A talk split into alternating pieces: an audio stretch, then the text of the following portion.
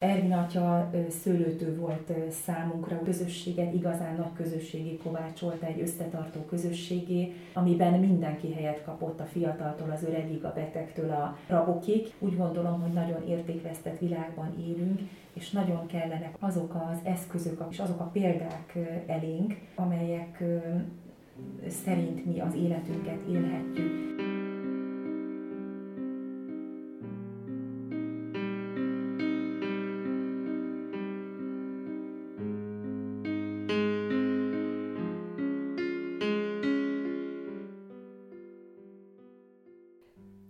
Szent Misén emlékeztek meg dr. Glószervin atyára halálának tizedik évfordulóján az Öreghegyi plébánián. A magyarok nagyasszonya templomban a szertartást követően mutatták be az Öreghegyi Szőlőtő In Memoriam dr. Glósz Ervin című emlékkönyvet.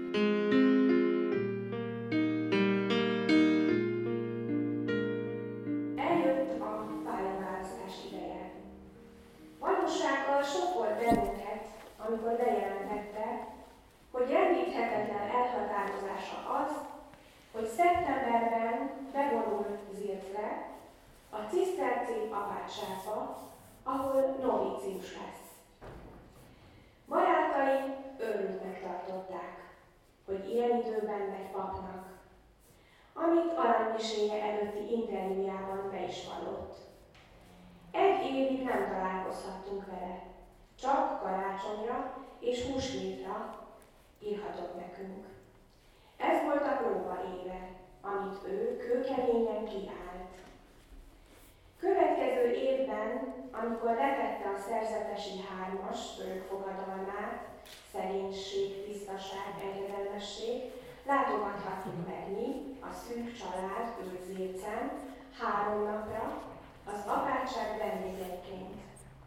Elképzelhető nagy boldogságunk, hogy egy év után megölelhetjük testvéremet. Itt megértettük elhivatottságát, mert a szavakkal nehezen kifejezhető, magasztos, szeretetet sugárzó, alázatos légkör, ami körülvett bennünket, nagy hatással volt ránk, és azt is éreztük, hogy ennek a különleges világnak nem lehet mindenki a részese.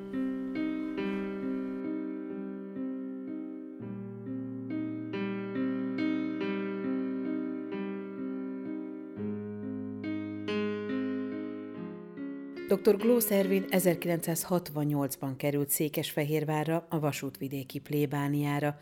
Ugyanekkor kapta a Székesfehérvári Kórház kórház lelkészi megbízátását is. 1974-ben plébánosi kinevezést kapott, és először a Prohászka templomban, majd 1976. júniusától az Öreghegyi plébániára került, ahol egészen 2007-ig töltötte be a hivatalt. 1976-tól 2007-ig mint börtönlelkész is szolgált Székesfehérváron a Fejér megyei Büntetés Végrehajtási Intézetben. 1977-78-ban a hívekkel társadalmi munkában felépítették az új emeletes plébánia épületet, felújították a templomot, és új orgonát is építettek. A rendszerváltást követően újjáépítették a második világháborúban megsemmisült Szent Donát kápolnát, és felelevenítették az augusztus elejé Donát búcsúk évszázados városi hagyományát. A 2000-es évek elején irányításával ismét bővítették az öreghegyi magyarok nagyasszonya templomot, valamint felújították a Börgöndi Szent Antal kápolnát. 1994-től 2007-ig dr. Glószervin ellátta Pákozd lelki gondozását, a Pákozdi plébánia templomot és orgonáját 2006-ban újítatta fel. 40 éven át teljesített szolgálatot kórház lelkészként. A városért végzett áldozatos önzetlen munkáját 2009-ben Székesfehérvár díszpolgára címmel ismerte el a város közgyűlése.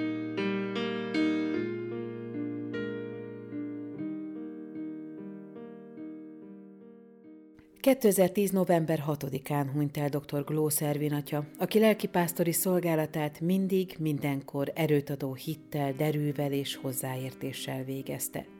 Az öreghegyi plébánia hívei Szent Misével és a személyét, életét és cselekedeteit felidéző emlékkönyv bemutatójával emlékeztek meg az évfordulón. Az ünnepi Szentmisét Dékány Árpád Sixtus ciszterci szerzetes tartotta, aki a Szentírásból vett idézettel kezdte az emlékezést. Tudjuk, hogy az Isten szeretőknek minden javukra válik, hiszen ő saját elhatározásából választotta ki őket. Akiket ugyanis előre ismert, azokat eleve arra rendelte, hogy fiának képmását öltsék magukra. Ervin atyáról a következőképp emlékezett Dékány Árpád Sixtus. Én erre atyát soha nem hallottam nyavajogni, palaszkodni. És a kritikát mondott is, akkor is mindig viccesen tette. És ezt megmondom őszintén, hogy engem is bíztatott. Én egy kicsit nyavajgósabb tudok lenni olykor-olykor. Milyen jó, hogy Isten megállíték bennünket olyan emberekkel, akik akarva akaratlanul is, de jellemünket jobbítják. Na persze, oda kell ránk figyelni. Ha nem hallod meg, amit mond, ha nem veszed észre azt, amit ö, sugároz felé, ha nem keresed benne azt, amit adhat neked, akkor nyilván nem kapsz semmit. Tudjuk, hogy az Isten szeretőknek minden a javára válik. Én azt kívánom az öreghegyi közösségnek, mindazoknak, akiket itt Fehérváron, atya, Efraim testvérünk tanított, nevelt, szolgált, hogy ezt a terült, ezt a tudatot hordozzátok magatokban, erősítsétek egymásban, és nem leszünk sohasem vesztesek, bármit veszítünk is el, bármit is vesznek el tőlünk.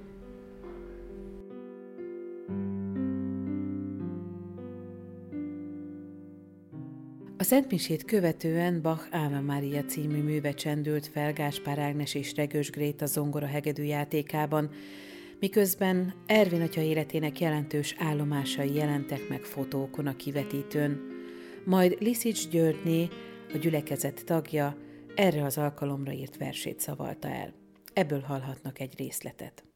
A mi templomunk nem egy dóm, nekünk mégis szent és otthon. Tornya nem ér fel az égig, az Úr szavát mégis értik.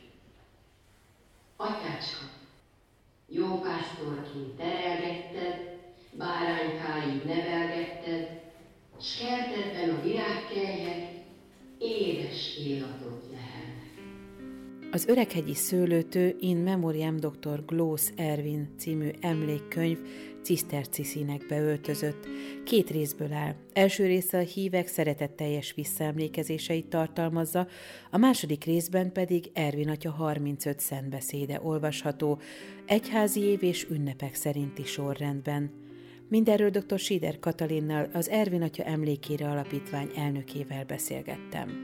Ez az ötlet már igen régi, pontosan tíz évvel ezelőtt Ervin atya halálát követő szinte napokban már elhatároztuk egy marognyi csoport, hogy valahogy Ervin atya emlékét fenn kell tartanunk, mert hiszen nagyon szerettük és tiszteltük őt. És éppen ezért már akkor megszületett ennek a könyvnek az ötlete. Ugye kezdetben az volt az ötletünk, hogy visszaemlékezéseket fogunk gyűjteni a hívőktől, akik annyira szerették őt, hogy írják le, hogy milyen volt ő valójában, mit köszönhetnek neki, milyen emlékeik vannak vele kapcsolatban. Majd aztán tovább fűztük ezt az ötletet egy kicsit később, kb. két évvel ezt követően, hiszen Ervin atya hagyatékából ott a plébánián Gábor atya talált szentbeszédeket, amelyeket Ervin atya egyébként az 1970-es években jegyzett le, géppel írott szövegek voltak ezek, és akkor odaadta nekünk az atya, hogy, hogy ránk bízta, hogy, hogy úgyis tudom, hogy ti ápoljátok Ervin atya örökségét, és hogy kezdjétek vele azt, amit szeretnétek és akkor nagyon megörültünk neki, és elkezdtünk a szentbeszédekből válogatni. És akkor így jött az ötlet, hogy akkor egyházi év szerint gyűjtjük össze ünnepekbe foglalva ezeket a szentbeszédeket, és akkor elkezdődött ugye a munka, például az egyik kis támogató tagunk, Tuba Márti volt az, aki legépelte a szentbeszédeket, és közben ugye gyűjtek a visszaemlékezések is a hívőktől. Ennek az volt a módja, hogy a, többször hirdettük ugye a templomba is, hogy kérjük szépen, aki szeretne, az írjon. Elhelyeztünk oda egy dobozt, amiben bele lehetett dobni gyakorlatilag, és így gyűlt össze a legtöbb, de volt olyan, akiket is személyesen is megkerestünk, mert tudtuk, hogy nagyon közel állt Erminatyához. Így született például az Évikének, a Glósz Évának a visszaemlékezése is, a kettő visszaemlékezése. Ugye ő Ervin atya testvére, aki most is megjelent ezen az ünnepi alkalmon, és nagyon-nagyon örült és támogatásáról biztosított minket, és tényleg meghatódottan vette a kezébe ezt a kiadványt, és nagyon örült neki. Sokan ugye gépre vitték a megemlékezéseiket, vagy volt úgy, hogy e-mail címre kaptam meg, viszont nagyon sokan kézírással adták oda a visszaemlékezéseket. Ezeket hát én vittem gépre, és így születtek aztán így egymásba fűzve, fűzérszerűen meg ezek a visszaemlékezések. Ha valaki egybe elolvassa ezeket a visszaemlékezéseket, olyan jól visszaadják ezek a visszaemlékezések Ervin atyának a, a lényét, a, a, a természetét, a dolgokhoz való hozzáállását, az ő tulajdonságai, hogy ő milyen ember volt.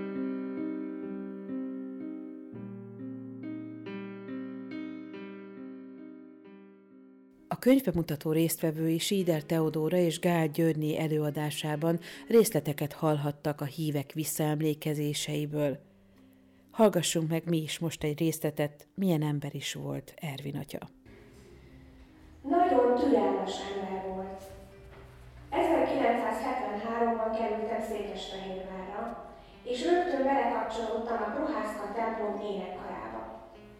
Ervin atya volt a karnagyunk, nagyon szerette a Gregorián énekeket, amelyeket velünk is megszerettetett.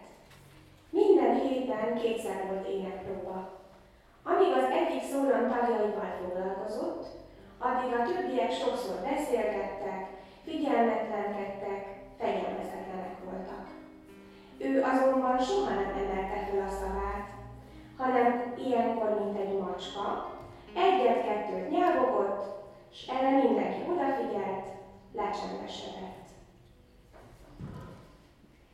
Gyermekeim hozzájártak hittanórára, és engem is átsegített néhány lelki válságon. Isten végtelen kegyelme, hogy az utolsó és súlyos betegségében telt heteiben is mellette lehettem. Úgy gondolom, a legnagyobb tanítást akkor adta, amikor végtelen nagy türelemmel viselte a testi és lelki fájdalmakat.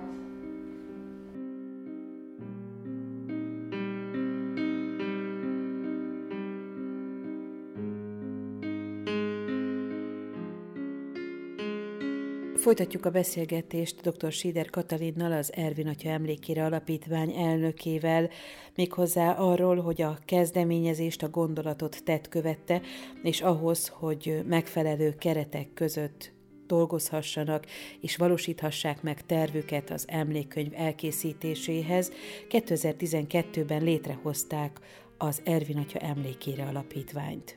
Több alkalommal voltak programjaink, ugye az első célunk az volt, hogy a könyvre, a könyv kiadására összegyűjtsük a, a pénzt, éppen ezért többször rendeztünk hangversenyt, volt olyan hangverseny, amiben Simándi Péter aki az előző köteteket, Ervin Atyának a beszédeit összefoglaló köteteket jelentette meg, és segítségünkre volt operaházi tagokkal, de aztán azt követően mi is még rendeztünk ilyen komoly zenei hangversenyeket az Öreghegyi plébánia templomban, és akkor azok bevételeiből gyakorlatilag jött össze a könyvnek a kiadásához szükséges összeg, illetve még pályázati pénzből a köfém pályázat a pénzéből egy nagyobb összeget tudtunk szerezni, és ezek adták a legnagyobb alapját a, a könyvnek.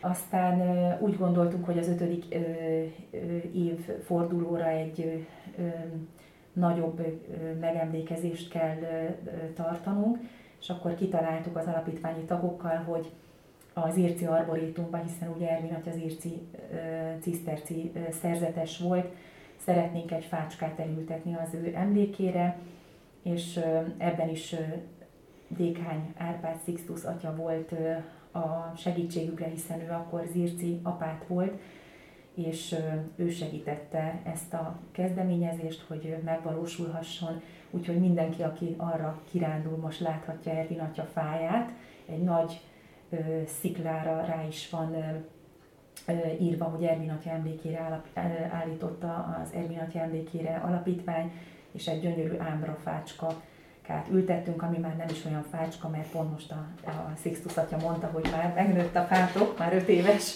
úgyhogy pont terveztük is a, a tagokkal, hogy majd elmegyünk és meglátogatjuk, megnézzük, hogy hova fejlődött a kis fácska. Úgyhogy ez volt az egyik legnagyobb kezdeményezés eddig, és ugye most a kezdetektől fennálló célunk valósult meg ezzel a, ennek a kötetnek a, a megjelenésével. Nagyon szép a címe, ez az Öreghegyi Szőlőtő. Ez honnan fakad? Ez az Öreghegyi Szőlőtő elnevezés, illetve címadás, ez tulajdonképpen Kis Antalnak az ötlete volt, aki ugye a könyvnek a nyomda alá rendezését segítette. Ő is Ervin atya tanítványa volt, az édesanyja szorosan kapcsolódott a mi alapítványunkhoz, de sajnos azóta elhunyt. Kis Antal segítségét kértük a könyvkiadásban, és ő találta ki ezt a, ezt a címet. A könyvet Fodor Katalin torálta, nagyon nagy segítségünkre volt ő nekünk, nagyon minőség és nagyon magas színvonalú szakmai munkát végzett. Tulajdonképpen Ervin atya szőlőtő volt számunkra, ugye mi vagyunk a kis szőlőveszők, akik próbáljuk az ő örökét továbbvinni, és az ő általa tanítottakat tovább hordozni. Ezzel a könyvvel még az volt a célunk, hogy értéket adjunk a mai fiataloknak is, meg hát nem csak a fiataloknak, hanem az emberek kezébe.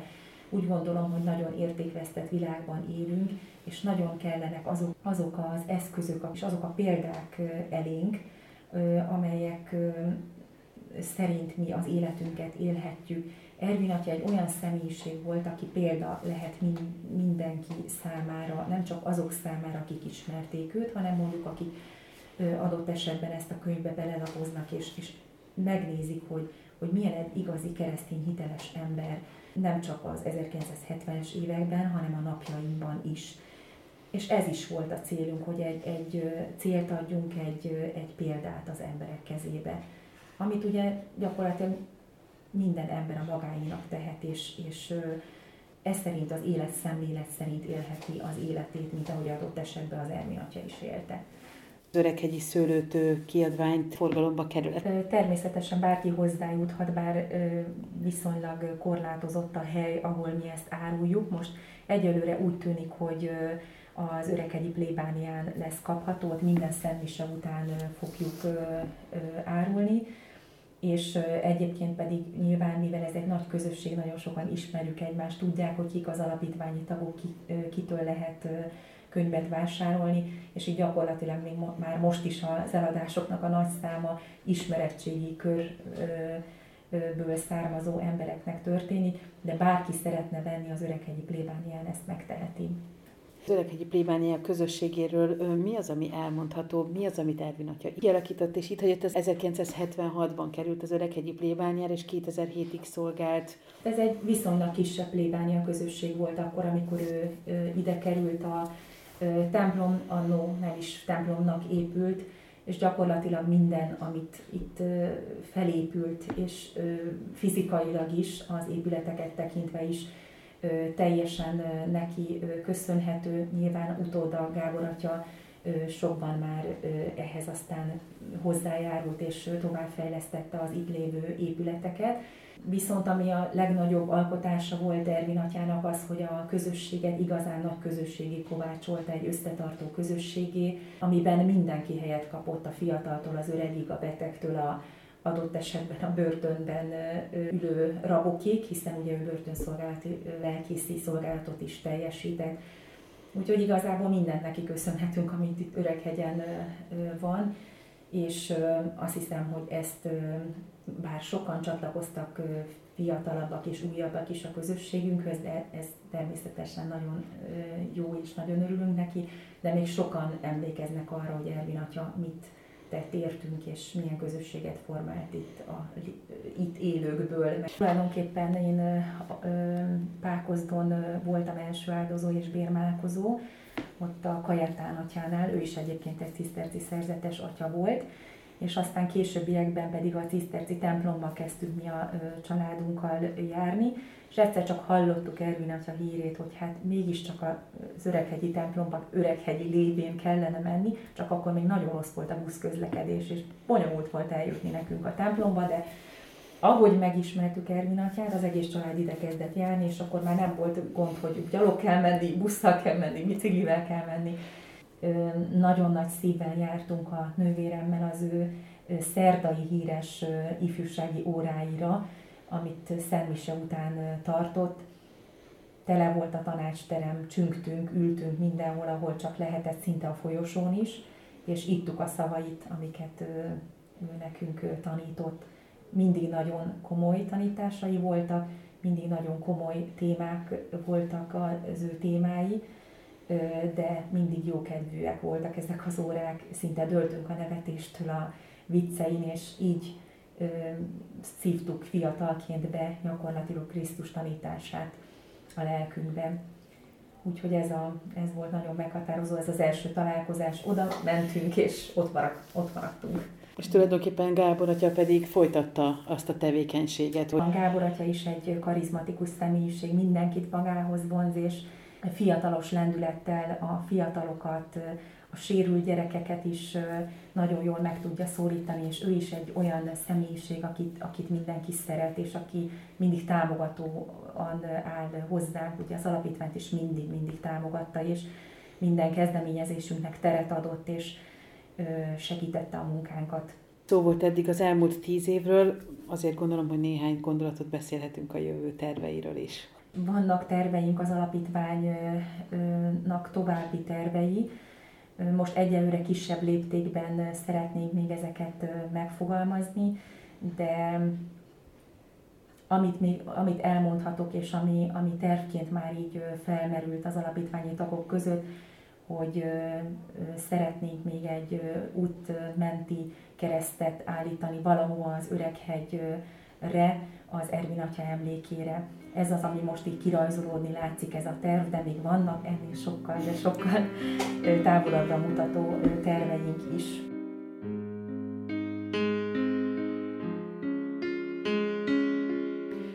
A beszélgetést követően néhány részlet hangzik el az emlékkönyvből, ezzel idézzük meg Glószervin alakját. Ministráltam életemben először, és hála a Jóistennek sokszor állhattam vele együtt az oltárnál. Azt akarta, hogy minél több minisztráns legyen, és amikor bejött a segestségre, azt szoktam mondani, hogy beférek.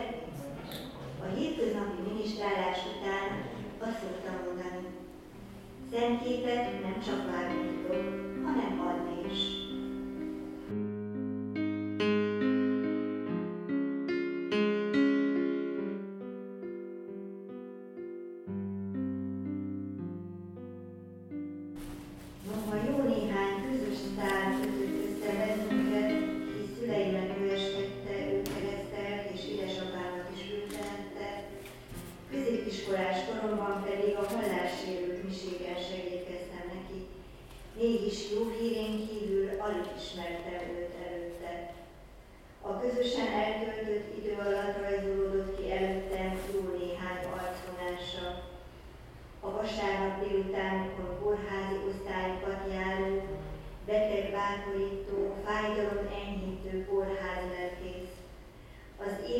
számos fogva tartott és börtönben dolgozó lelkét ápoló, támogató börtönlelkész.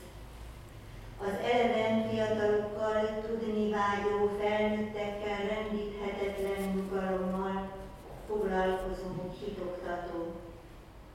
A rászorulókat ülkezven támogató mecénás a templomokat, közösségeket szépítő, építő plébános a terheket könnyítő, utat mutató lelki gondozó.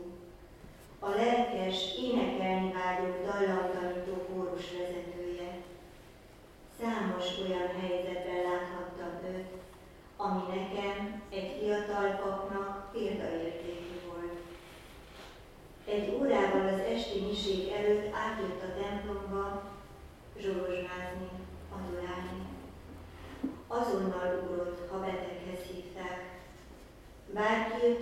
jött